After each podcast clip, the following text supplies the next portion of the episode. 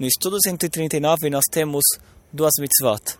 A primeira é mitzvah da declaração do, da declaração do Maaser. No final do terceiro ano e no final do sexto ano, depois que o produtor agrícola ele separava todas aquelas obrigações que ele tinha de separar, que a parte que era do Correna, a parte que era do Levi, a parte que ele tinha que destinar aos pobres, ou aquela parte que ele tinha que levar para Jerusalém. Então, depois que ele fazia tudo direitinho e ele cumpriu tudo direitinho, não mudou a ordem, eh, não comeu no estado, o que devia ser consumido no estado de pureza, não comeu quando ele estava impuro, não comeu quando ele estava de luto. Então, são várias, várias leis. Ele cumpriu tudo direitinho, então ele chegava a Jerusalém fazia uma declaração de que ele fez cumpriu todas as obrigações.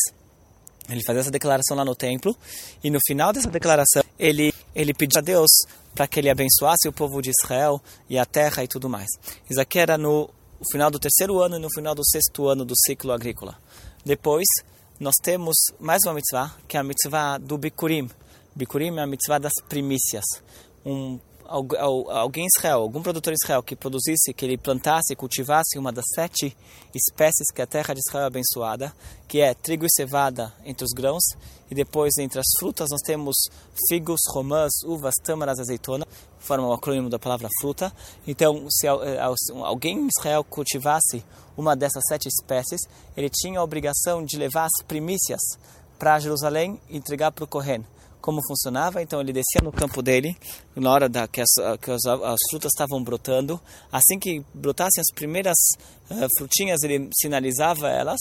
E daí, quando elas crescessem, ficassem maduras, ficassem prontas, ele colhia essas frutas e levava, colocava numa cesta e levava para Jerusalém. E lá ele fazia uma declaração de agradecimento a Deus, como vamos ver no próximo estudo.